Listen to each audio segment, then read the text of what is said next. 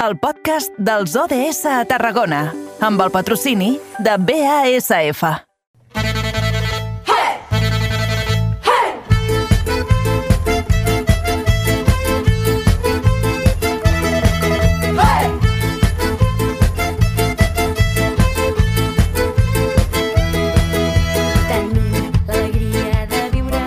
Avui és dia d'objectius de desenvolupament sostenible, avui és dia de centrar-nos en tot el que fa referència a igualtat, a igualtat de gènere. Ens aturem novament als estudis de la nova ràdio de Reus perquè allí tenim la nostra companya Angie Aramayo. Angie, bona tarda.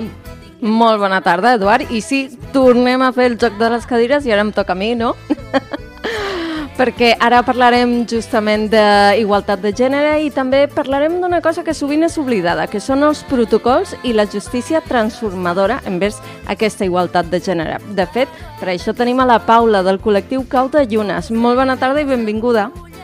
Hola, bona tarda. Paula, per situar-nos una mica, quan parlem de protocols i justícia transformadora, ens estem referint només a les actuacions legals o quin és el marc per entendre una miqueta més aquest concepte? Um, bueno, no té gaire a veure. O sigui, de fet, quan, quan em vau preguntar pel tema vaig fer una mica de trampa. Eh, nosaltres parlem sempre mm, des dels moviments socials, no? de, de justícia des d'uns altres àmbits, no? perquè entenem que quan passen coses molt, molt fortes, no? eh, o, o que apel·len directament a, a violència molt extrema, doncs ja entenem que la immensa majoria de persones acudirem a, doncs a la legalitat, no? I farem una denúncia o farem el que sigui Mhm. necessari. Eh, tot i així, eh, els... els eh, Ai, m'està desconcentrant una mica la música. No sé si... No, doncs la, la perquè- Paula, no pateixis, uh, que traiem la música i ja està, no pateixis. Vale, gràcies. És que com que són conceptes una mica així, m'estava tornant una mica boja, perdoneu. Eh, deia això, que, mm, que són conceptes, eh, o sigui que normalment ja entenem que hi ha coses doncs, que, que cadascú decidirà si vol acudir o no vol acudir als, doncs, als organismes legals no, de justícia, però els, Mhm. eh, des del servei i des dels moviments socials doncs, eh, ja sabeu que sempre ens agrada doncs, experimentar i, i provar coses no? que, que mirin cap al futur i llavors proposem altres, mm, altres conceptes diferents a, a la justícia legal. Llavors, aquí és on neix, per exemple, eh, la justícia transformadora, que ara us explicaré si voleu què és, però també neix l'autodefensa feminista. I llavors, dins de tot això, hi ha eh, el concepte de protocol, que un protocol pot ser de qualsevol cosa, no té res a veure amb justícia, sinó que un protocol és com una guia d'actuació. Mm, més o menys eh, aquest seria el marc, crec. Per tant, uh, per entendre'ns una miqueta més enllà d'això, el que hem d'entendre és que la justícia transformadora està jugant amb el concepte clàssic de, de justícia. Ens podries posar un exemple clar perquè això quedi, uh, quedi de forma més amena cap a la- l'audiència? Mm.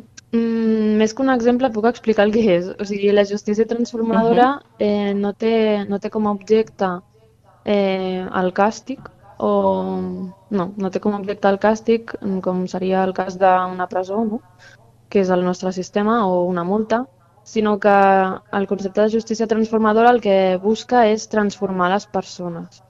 Mm, segons el nostre sistema mm, judicial, per exemple, doncs s'entén que les persones canvien, no? o, o, es, o, sigui, canvien a través d'un càstig. I en canvi la justícia transformadora ho entén més aviat a partir de la comunitat. O sigui, entén que la comunitat és, és la que és capaç de transformar els seus individus eh, a través de diverses eh, actuacions i que és llavors quan, quan les persones realment canvien i es transformen per ser millors.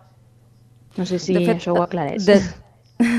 jo crec que encara, encara uh, ho, han, ho ha aclarit una, una miqueta més. Um, Paula, justament aquesta és una de les defenses des del feminisme. No? El feminisme no busca tenir més sentències, més anys de presó uh, envers a, a diferents uh, actes delictius, com pot ser l'abús sexual o també um, la violència masclista, però sí que uh, està buscant aquesta forma de restituir totes aquestes persones.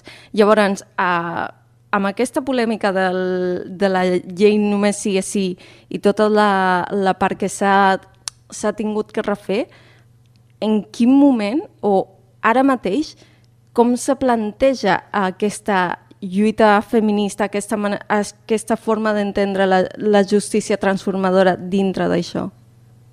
Mm, no, o sigui, la justícia transformadora és com un experiment i encara no, mm, no sabem fins a quin punt ens serveix per treballar aquest tema tan, tan candent avui dia. O sigui, la justícia transformadora la utilitzem amb petites coses, no? Per això al principi he fet aquest aclariment que, doncs, per exemple, no? si tenim un cas d'assassinat, un cas de violació, un cas de robatori, mm, quan són coses així extremes, nosaltres ja entenem des, de, des dels moviments socials que acabarem anant a patar, diguéssim, a la justícia normal i corrent. Eh, ens referíem més aviat doncs, a coses que poden passar més a nivell intern no? entre persones que pertanyem a una mateixa comunitat. Per exemple, no? doncs nosaltres eh, a Cau de Llunes formem, crec que l'Olga ho ha explicat alguna vegada, no? eh, nosaltres formem part del, del casal Sageta de Foc, no? de Tarragona, doncs nosaltres tenim una comunitat allà. És una comunitat on tothom eh, s'està formant en temes constantment, no? en temes feministes, en temes de, de justícia transformadora, en protocols, que constantment estem en contacte amb nosaltres i entre nosaltres també hi ha problemes. I és aquí on podem aplicar un, un procés, per exemple, de justícia transformadora, perquè els problemes que ens puguin passar entre nosaltres no seran mai mm, tan bèsties no? com, com els, que, els que estàveu dient vosaltres ara.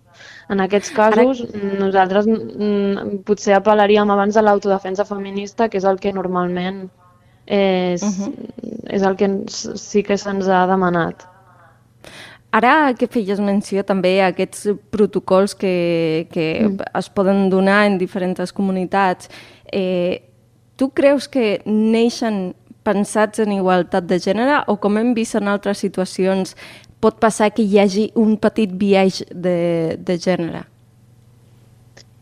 Um, a veure, o sigui, els protocols mm, no, no, no tenen per què estar lligats a cap mm, igualtat de res. O sigui, un protocol és, és el que deia abans, no? o sigui, és, és com una guia d'actuació.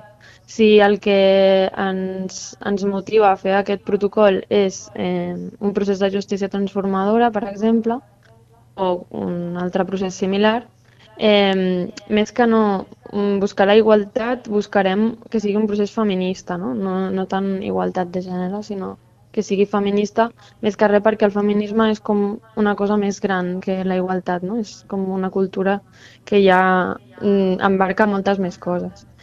I uh -huh. no sé què més m'has preguntat, perdó. Pots tornar-me a repetir la pregunta? No, no, no, tranquil·la. Uh, vale. Justament estaves, estàvem fent menció a aquests protocols, però clar, quan mm. has respost a aquestes formes d'actuar, aquesta conducta que es crea a través dels protocols, diries que les persones som conscients de la importància de tenir-los eh, i que els sabem aplicar? Mm, no, perquè, o sigui, no, no se saben aplicar perquè no són gens... O sigui, Eh, la gràcia una mica de la justícia transformadora és eh, que, com he dit, doncs, tothom forma part d'aquesta comunitat capaç de transformar les altres. Llavors, a, a, quan tens un protocol d'actuació basada en, aquesta, en aquest objectiu, eh, totes les persones han d'estar formades per poder-ho fer.